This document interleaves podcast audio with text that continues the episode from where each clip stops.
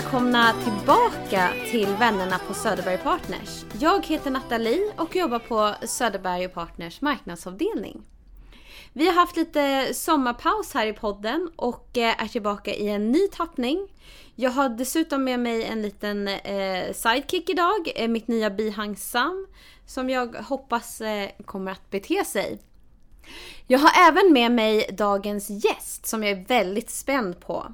Så vi kör direkt igång med Söderberg Partners nya COO, Gabriella Björ- Björknet Caracciolo. Sa jag det rätt nu? Ja, men det blev jättebra. Tack, jättekul att vara här. Ja, välkommen Gabriella! Så kul att ha dig i podden och jättekul att, att träffa dig för vi har ju aldrig träffats förut.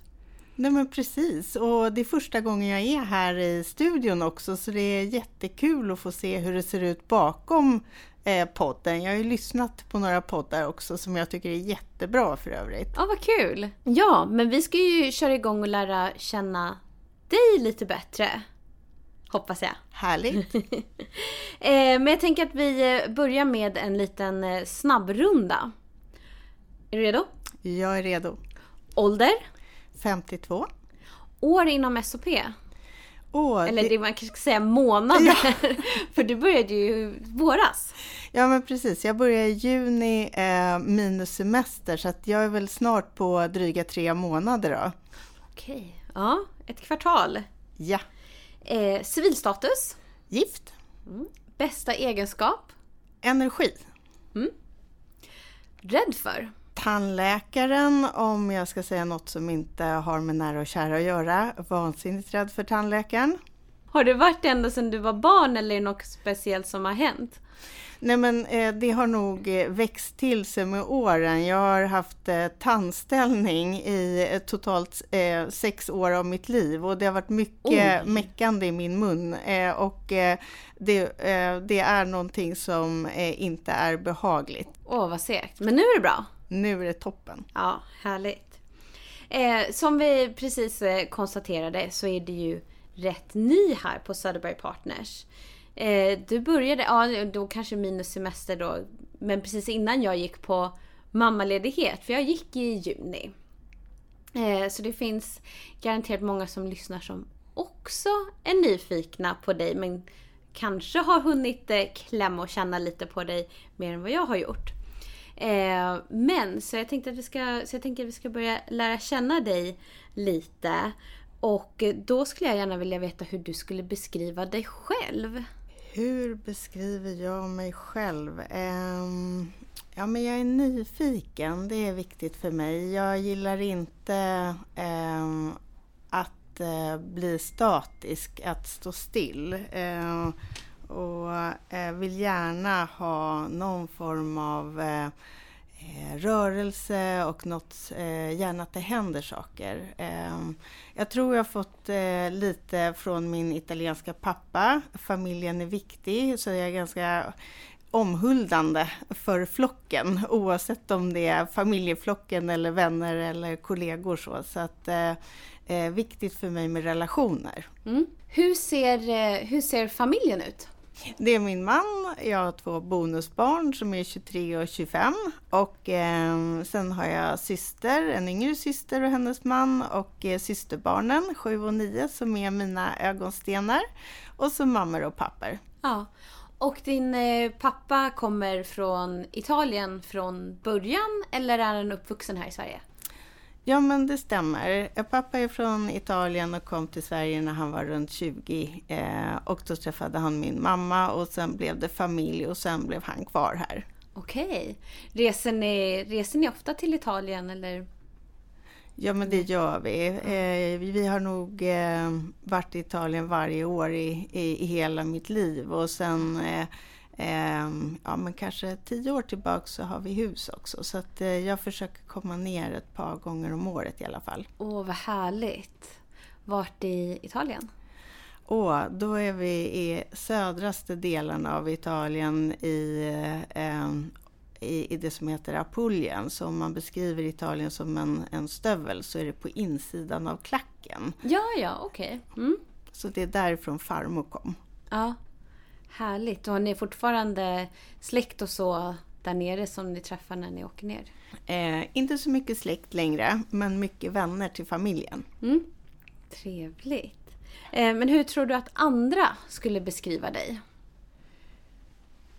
Ja, men det beror nog lite på vem du frågar. Eh, om du skulle fråga nära och kära så eh, skulle de nog säga att jag är ganska eh, kul och påhittig. Eh, varm och, och ehm, omhändertagande tror jag.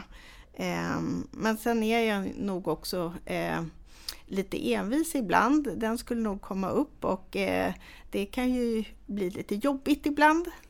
Mm. Jag har ju faktiskt eh, frågat eh, några kollegor till dig eh, vad de eh, tycker den här eh, korta tiden som de har hunnit jobba med dig. Oj, vad spännande! Och, ja, och det här lite otålig då oh. kom upp.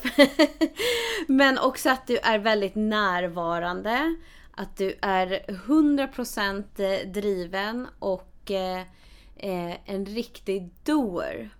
Inte jag tror att de sa att när, när de först träffade dig så fick de, eller under intervjuprocessen så förstod de att du var en doer. Men inte på den nivån som du nu faktiskt är. Så det verkar ju som att du har glidit in och levererat direkt. Åh, oh, vad spännande! Och att du är väldigt omtänksam. Oj, tack! Eh, vad roligt! Det visste inte jag att du hade gjort. Eh, vad roligt! Eh, eh, till att börja med ska jag säga att det stämmer ganska bra överens eh, med vad tidigare kollegor har sagt. Ehm, och den där otåligheten känner jag ju igen ehm, och den är nog en röd tråd i hela, hela mitt liv oavsett om det är privat eller jobb. Ehm, och Eh, doer, det har nog väldigt mycket att göra med det här att eh, jag gillar ju inte att vända papper utan jag vill ju se förflyttningar i verkligheten som jag brukar tjata om ibland. Att eh, det är först då det räknas. Det måste ske en förflyttning i verkligheten. Då har man eh, slutfört det man ska göra. Vad gör du för att, för att koppla av då? För det känns så som du har väldigt många bollar och kanske projekt i luften både på jobb och privat. Vad gör du när du inte gör någonting alls? Att, eh, två saker som är otroligt viktigt för mig. Det är eh, tennis, det är min passion. Eh, måste skapa tid för tennisen för då tvättar man både eh, hjärnan och får motionera kroppen och det är jättebra för mig. Och eh, gör man absolut ingenting så vill jag helst vara i trädgården. Ah, och påta runt lite? Ja, älskar det. Otroligt kreativt när man får eh, bara pyssla runt med sånt man tycker är kul. Och man ser ju resultatet av det jobb man gör på ganska kort tid och det är ju otroligt kul. Det är faktiskt roligt. Jag och min man köpte hus i, i höstas och Eh, det är väl också någonting som vi brukar skratta om det, att så här, hur annorlunda våra liv ser ut nu gentemot när vi eh, träffades. Och vi båda tycker det är så roligt med trädgårdsarbete. Något som jag aldrig trodde skulle jag tycka var roligt. Men nu så här, oh, man klipper lite buskar, rensar lite rabatter. Hur mysigt som helst. Och som du säger, man ser verkligen resultat på en gång. Vilket är väldigt tillfredsställande. Ja, men roligt att ni har hittat till trädgården. Ja, eh, det kommer ju med åldern brukar jag säga. Mm, verkligen. Vart bor ni någonstans? Vi bor i Vasastan på mm. Roslagsgatan. Okej. Okay. Ja.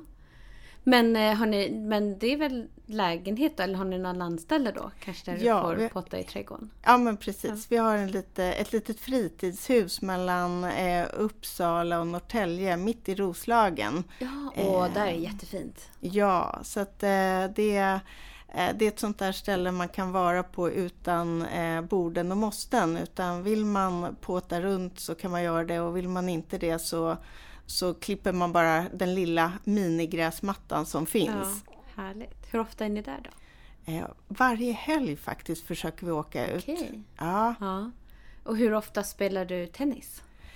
Det försöker jag göra två till tre gånger i veckan och har jag riktigt flyt eh, så blir det nog fyra. Härligt. Har du, har du en speciell partner eller kompis som du spelar med då eller vad dyker man upp på tennisbanan och så är det andra där som spelar. Jag vet inte riktigt hur det går. Ja, men när man blir lite överentusiastisk då hittar man likasinnande. Så att eh, det brukar oftast vara lite olika konstellationer. Ja. Så det, man kan både spela i eh, veteranserie, man kan spela i stegar, eh, man kan bara träffas och socialt spela också. Så att det, det är alla modegenrer. Så länge det är lite spel. Ja, absolut. Ja. Är du tävlingsinriktad? Ja. ja. Kort och koncist, ja. ja. Vi lämnar det där. Men eh, eh, ditt jobb då, då? Du är ju COO. Är det för eh, Insurance Consulting eller POSA? Vilket bolag är du Chief Operating Officer för? Ja, det är faktiskt för helheten, för gruppen som sådan. Ah, ja. eh, okay.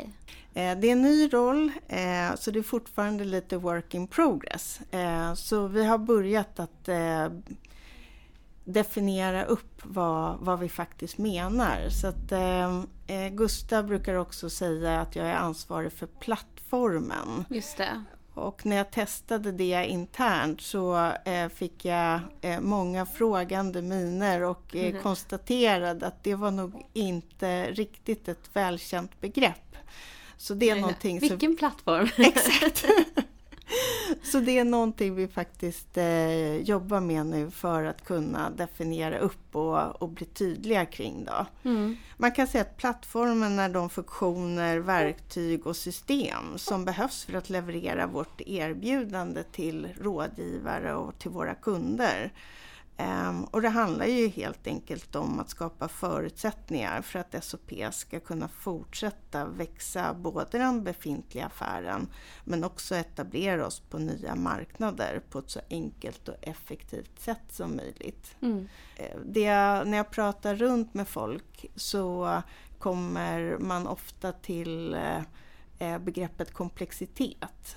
Så det handlar nog mycket om att försöka förenkla och eh, skapa eh, förutsättningarna för framdrift. Ja. Och vilka är det som, eh, som du jobbar närmast med? Eller har jobbat närmast med hittills? Under mina första veckor här så har teamet formats och jag är ansvarig för finans, HR, legal procurement och också IT. Så okay. det är... Många ben. Många ben. Så det är vi som bildar ett litet team och försöker jobba med plattformsfrågan helt enkelt för att kunna eh, bli tydligare och också eh, hjälpa verksamheten att eh, bli mer skalbar. Mm. Okej. Okay. Och hur skulle du säga att eh, första tiden på Söderberg Partners har varit? Jätterolig. Ehm, jag är otroligt imponerad av entreprenörskapet och den här can do-mentaliteten. Ehm, och det är ju en enorm resa som SOP har gjort under de här åren. Så att det är med stor respekt som jag tar mig an det här uppdraget. Känns som det är ändå ett uppdrag som passar dig utmärkt eftersom du är så, så driven och eh, målmedveten. Ja men tack. Eh, det känns verkligen som att eh, jag har kommit hem och det beror ju mycket på alla människor. Det är ju otroligt många både kompetenta men också varma och härliga människor här och det är otroligt roligt att få vara här. Ja, vad kul! Ja, jätteroligt. Eh, vad gjorde du innan du kom till Söderberg Partners? Innan eh, den här rollen så var jag på ett eh, noterat medtechbolag och eh, hade rollen som CFO och vice VD. Okej. Okay. Mm. Hur gick du därifrån hit? Eller hur, hur gick den övergången? Eller hur kom du hit?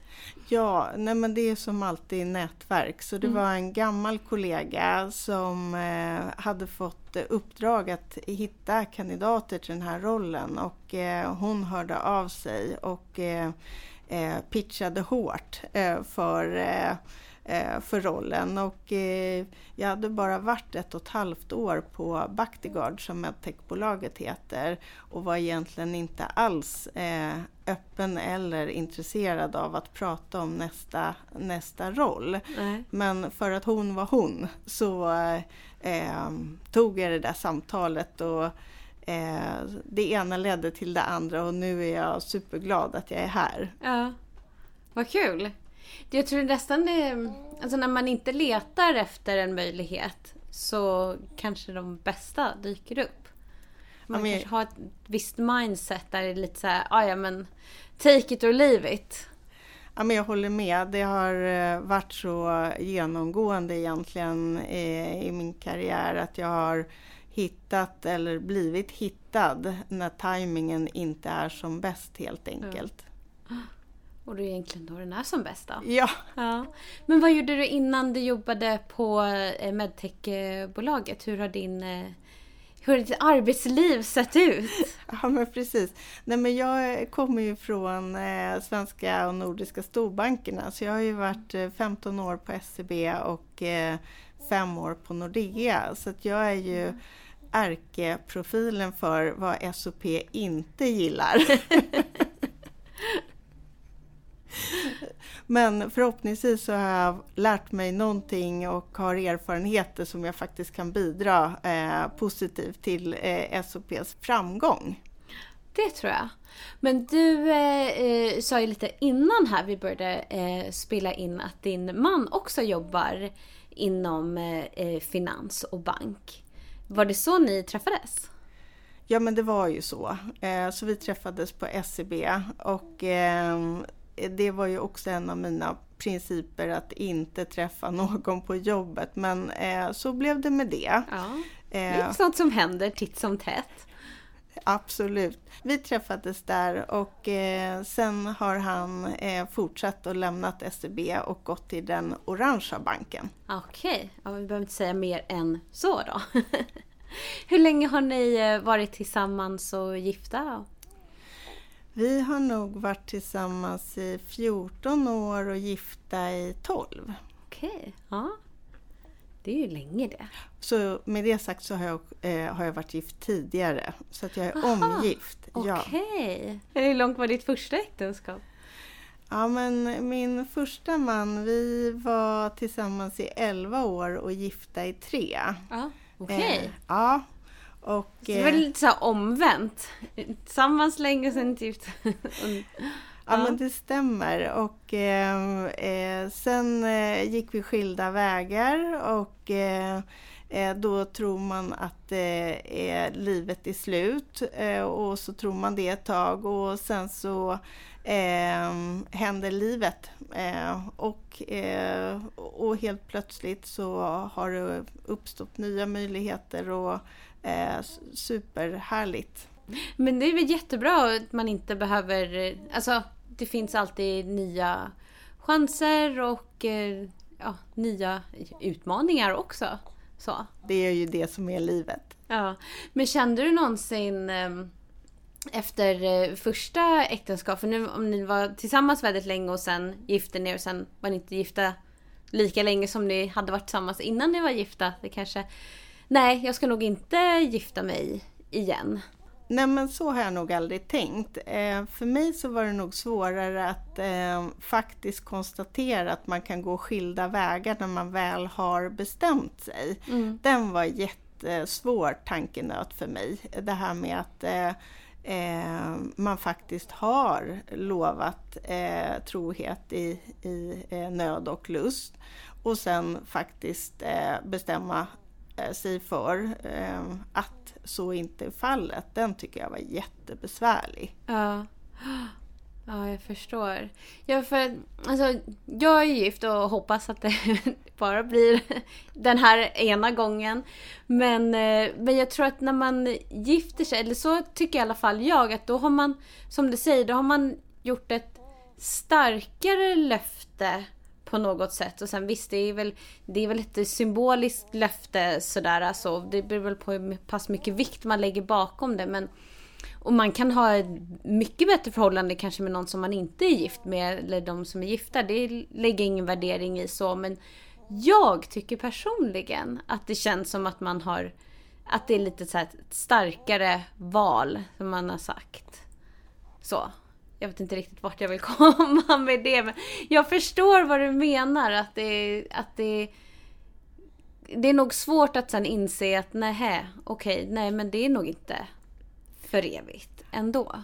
Nej men jag håller med och där tror jag också att jag är lite färgad av, av eh, pappa från Italien. Att eh, eh, när man bildar familj så har man en familj att ta hand om och eh, det är eh, otroligt starkt i mig. Eh, ja. Så därav tror jag att det blev en otroligt svår fråga att, att ta ställning till. Ja för det är nog kanske, det är väl kanske en, en stereotyp Eh, men det känns som att eh, i Italien och italienska familjer har väldigt starkt band och man är väldigt nära varandra och man värnar väldigt, väldigt hårt om det. Just också att så här, med generationsboenden, att man bor tillsammans väldigt länge och, och är väldigt tätt sammanknutna på ett sätt som ja, kanske inte alla, alla andra familjer är.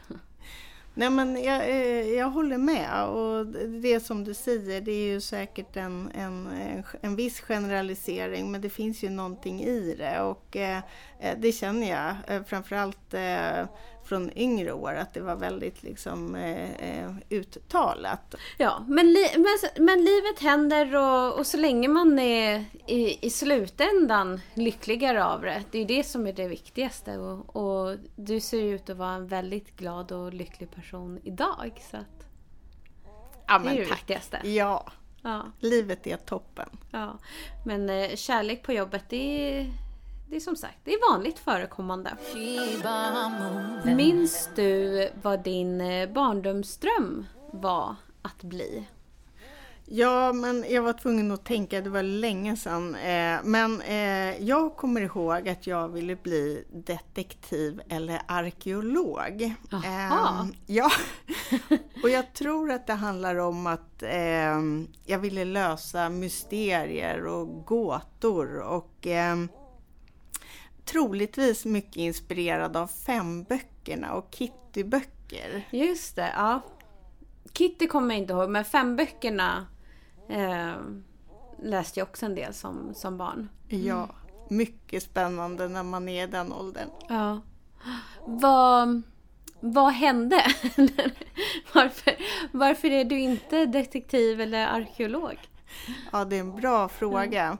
Eh, ett tag trodde jag att jag skulle eh, bli läkare men så fick jag eh, möjlighet att praoa på ett, eh, ett sjukhus men hamnade på långtidsavdelningen mm. och blev helt avskräckt eh, av det. Mm. Och, och sen tror jag att eh, när man är yngre så lyssnar man på kamrater och ser vad som händer runt omkring och så landade jag i att läsa ekonomi helt enkelt. Mm.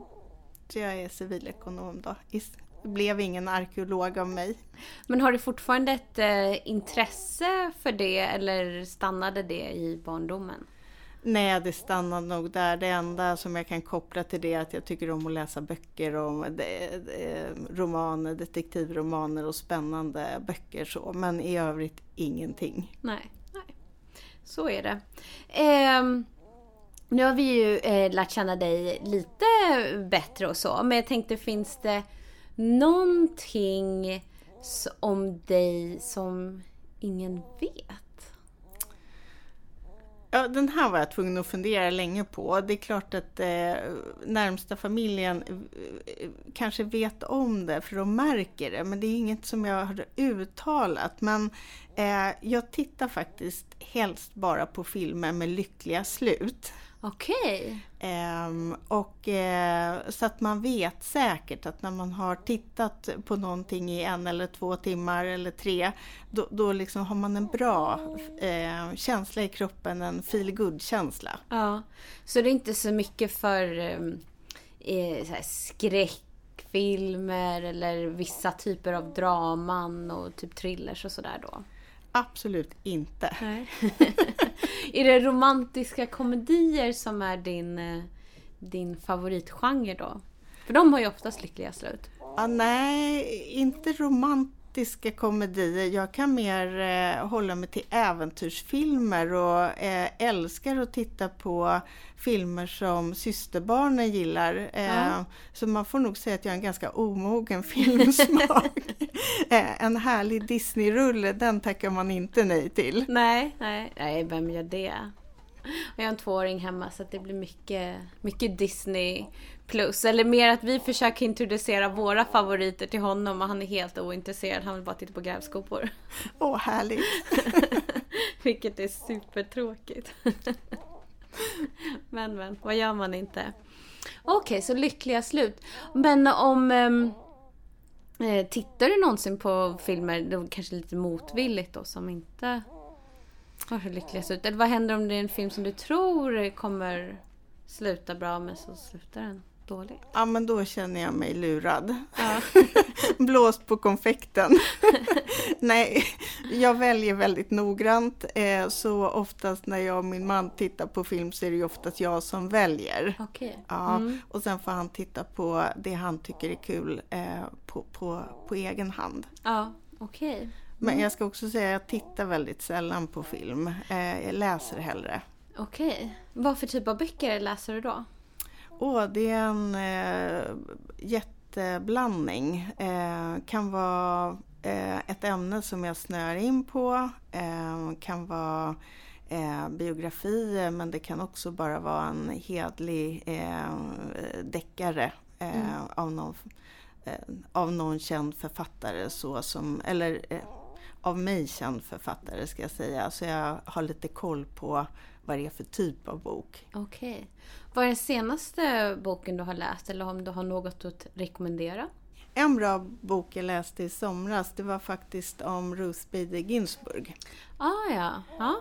Och, och det var ju just med anledning av hennes bortgång så blev jag nyfiken. För det var ju väldigt mycket klipp och eh, artiklar kring henne, vad hon hade gjort eh, Mm. historiskt. Och då blev jag lite nyfiken. Eh, så då hittade jag ett par, tre böcker som jag eh, eh, läste i somras. Eh, Okej. och typexempel på när jag snöar in på någonting, då blir det inte bara lite grann utan då är det liksom av och på Ja. eh, knappen. Eh, Och det, djupt ner. Ja. ja. så jag, jag brukar säga att jag har liksom svårt med den här eh, skalan däremellan utan antingen så är det på eller så är det av. Okej. Mm. Har du någon sån här dold eh, talang?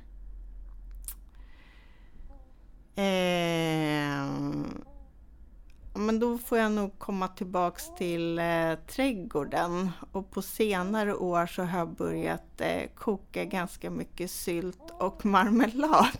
Okej. Ja. Ehm, det är ju lite nytt för mig men eh, det blir faktiskt väldigt bra och det är väldigt enkelt och det trodde inte jag i början. Det är jätteenkelt. Eller jätteenkelt. Nu ska vi inte liksom... Eh, så. Men det är, för, det är mycket, som du säger, det är mycket lättare än vad man eh, tror. Ja men jag håller med och liten insats men med fantastiskt resultat. Vad är din eh, favorit att eh, koka? Ja men jag har tränat nu på fikonmarmelad när vi är i Italien. Eh, och sen har jag en favorit i Sverige och det är rabarbersylt med kardemumma. Ah, vi har en... Eh, det enda som vi har på vår... Eh, vi har lite smultron också. Eh, men vi har inte odlat eller sådär än. Vi tänkte att vi gör det nästa sommar. Men vi har en rabarberbuske som eh, eh won't quit. Alltså den bara, den bara växer och växer och växer. Vi har fått så mycket rabarber så det är helt sjukt. Eh, så jag gjorde jättemycket rabarbersylt. Men jag gjorde med eh, lite citron och vanilj. Men då ska jag testa med kardemumma nästa gång. Men då får vi byta recept helt enkelt. Ja, jag har ett jättebra recept som är jättelätt. som jag fick av en kompis. Och sen har jag också gjort eh, svartvinbärsmarmelad. gjorde jag för inte så jättelänge sedan. Och det vart otroligt gott. Oh, låter jättehärligt. Ja, man har med eh, på rostbröd, lite smör, sylt och sen ost. Härligt. Det, det jag lärt mig av min mormor. Är fantastiskt gott. Okej, så sylte, syltekokande. Eh, gillar du att baka och sådär då generellt också? Eller är det bara sylt som du har fattat? Nej men jag gillar, jag gillar matlagning rent generellt, bakning också. Däremot så tror jag att eh, eh det, för att det ska bli kul så måste man ha tid. Ja. Eh, så att jag har eh, lärt mig att det ska liksom finnas tid att eh, eh, göra, eh, göra det ordentligt så mm. att det inte blir den här stressen att man kommer på någonting en sen kväll och sen så står man där med någonting i ugnen eller kokar för eh, och så blir det mitt i natten. Det blir inget kul. Nej, nej. Lagar du mycket italiensk mat? Eh, både ja och nej. Min mamma är, och pappa är faktiskt jätteduktiga. Så att, eh, de är ju eh, mästarna på det hela. Så att de brukar oftast eh, dela med sig ganska generöst. Så att, eh, ehm, jag får väldigt mycket god mat av dem. Eh, men jag lagar gärna själv också. Mm. Ehm, och eh, inte bara kanske olika typer av pasta men Eh, gärna kalv i, i, någon, mm. i någon form. Mm. Eh, kalv med eh, friterade salviablad eller eh, scallopine al limon eller någonting sånt där. Det är ju också bra. Eh, det blir väldigt bra men tar ganska kort tid att, att tillaga. Mm. Odlar ni, hoppar vi lite här igen i frågorna, men odlar ni eh, någonting på, på landet då? Eller har ni mest bärbuskar? Ja men lite både och, men det är ju i hobbyformat. Så ja. vi har några pallkragar och i år har vi haft en enorm eh, eh, tillväxt. Så att eh, i år har vi haft lite eh, bondbönor som har klättrat fint. Vi har haft eh, grönkål och svartkål som har blivit eh, någon slags djungelliknande plantor. eh, och sen lite krydd, kryddor och eh, zucchiniplanta och så några bärbuskar såklart. Ja, Härligt! Så mm. det är ändå så att ni kan, eh, ni kan ju njuta av det eh, under sommarmånaderna. Ja men absolut. Och så glömde jag potatis också. Det är ja, jättekul det att odla. Det känns ju som ett måste. Ja. Vad har du eh, på din eh, bucketlist då? Har du en bucketlist? Ja men det har man väl alltid. Um, jag har två saker som har följt med mig länge. Ehm, och eh, den ena är kopplad till tennis eh, och det är att jag skulle vilja titta på alla fyra Grand Slammer. Så jag har bockat av två, så jag har varit på US Open och Wimbledon. Jag tänkte säga vilka är det, för jag kan bara Wimbledon.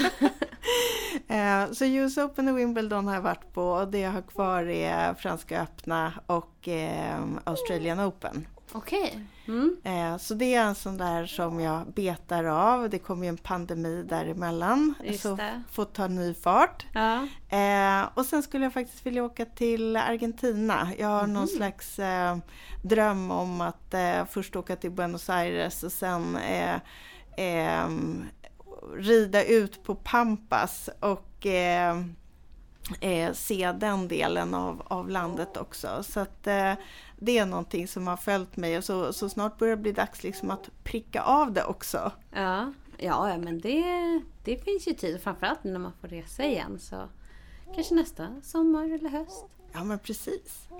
Det är väl, ehm, ja, det är väl nära ekvatorn så det kanske inte spelar så stor roll när på året man, man åker dit. Det är ju varmt ändå. Ingen koll, Nej. måste kolla. är du bra på att rida? Absolut inte. Jag Nej. har aldrig ridit. Eh, jag brukar säga att jag åker häst eh, mer än rider. Så det är nog mer den här eh, upplevelsen, som jag, naturupplevelsen som jag tror är fantastisk. Mm. Ja, man kan nog se det på ett helt annat sätt om man ser det på en hästrygg än i en liten bil eller något sådär. Ja men precis. Ja. Härligt. Ja, får jag hoppas att, jag hoppas att du kommer dit. Ja. Du ska ju eh, få beskriva Söderberg Partners. Tänkte jag. Eh, och jag tror inte jag har eh, skickat det här till dig så att du får förbereda dig. Så det blir en liten eh, spontanare här. Eh, om eh, Söderberg Partners var ett djur. Vilket djur skulle Söderberg Partners vara? Ja men nu har ju jag inspirerats av Lejonsumo-gasellen så Ja. det är ju, eh, den är ju ikonisk. Mm. Ehm, men det är ju en panter annars. Ja, Ja, en panter. kraftfull, snabb och eh, i språnget. Okej. Mm. Det är en bra beskrivning. Och eh, som en bil. Den är svårare. Det är ju en bil som eh, åker snabbt eh, men kanske behöver lite eh, underhåll ibland. Eh, så det får ju bli en italiensk bil. Eh, kanske någon eh, sportigare Alfa. Okej. Ja. Eller Maserati, det låter lite roligare. Det är käckt sådär. Ja. Mm. Men nu eh, ska vi avsluta med en, en annan lek. Eh, där jag tänker att du ska få ranka dig själv eh, mellan 1 till 10. Och eh, då är det, eh, är du alltid i tid till möten? Oj, eh, det är en stark trea. Eh, jag är verkligen usel. Eh, jag jobbar med det konstant, men jag är en obotad tidsoptimist. Okej. Mm. Jag är totalt tvärtom. Jag tror att allting tar så mycket längre tid att göra än vad det egentligen gör. Så jag är oftast en kvart tidig till allt. Eh, håller deadlines. Ja, men det är en tia. Ja. Eh, där måste jag nog hänvisa till min, eh, eh, mina år i amerikanska bolag. Eh, det är heligt med deadlines för mig. Mm. Pedant. När jag bestämmer mig för det eh, och när jag väl bestämmer mig då är det en stark tia. Eh, och när jag inte tycker det är viktigt då brukar min man säga att jag är som en tonåring. Mycket med eh, kläder som kanske ligger i någon liten hög eller två för länge. Mm. Nej, Har du en, en stol eller någonting som alltid du slänger allting på eller någon bänk eller sådär? Japp, en Mm. fåtölj eh, som blir en, ett berg. Ja. Eh, kan också uppstå små högar runt omkring fåtöljen. Ja. Mm. Kreativ.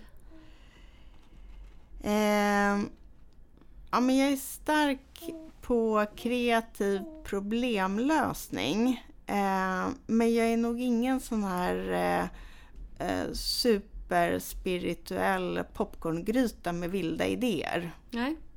Du håller dig in, inom eh, din eh, box. Så. Ja, att, eh, det, det, jag, jag är ganska mycket realist också så jag vill gärna ha liksom en tanke där man eh, kan genomföra någonting också och eh, på ett bra sätt. Eh, risktagare.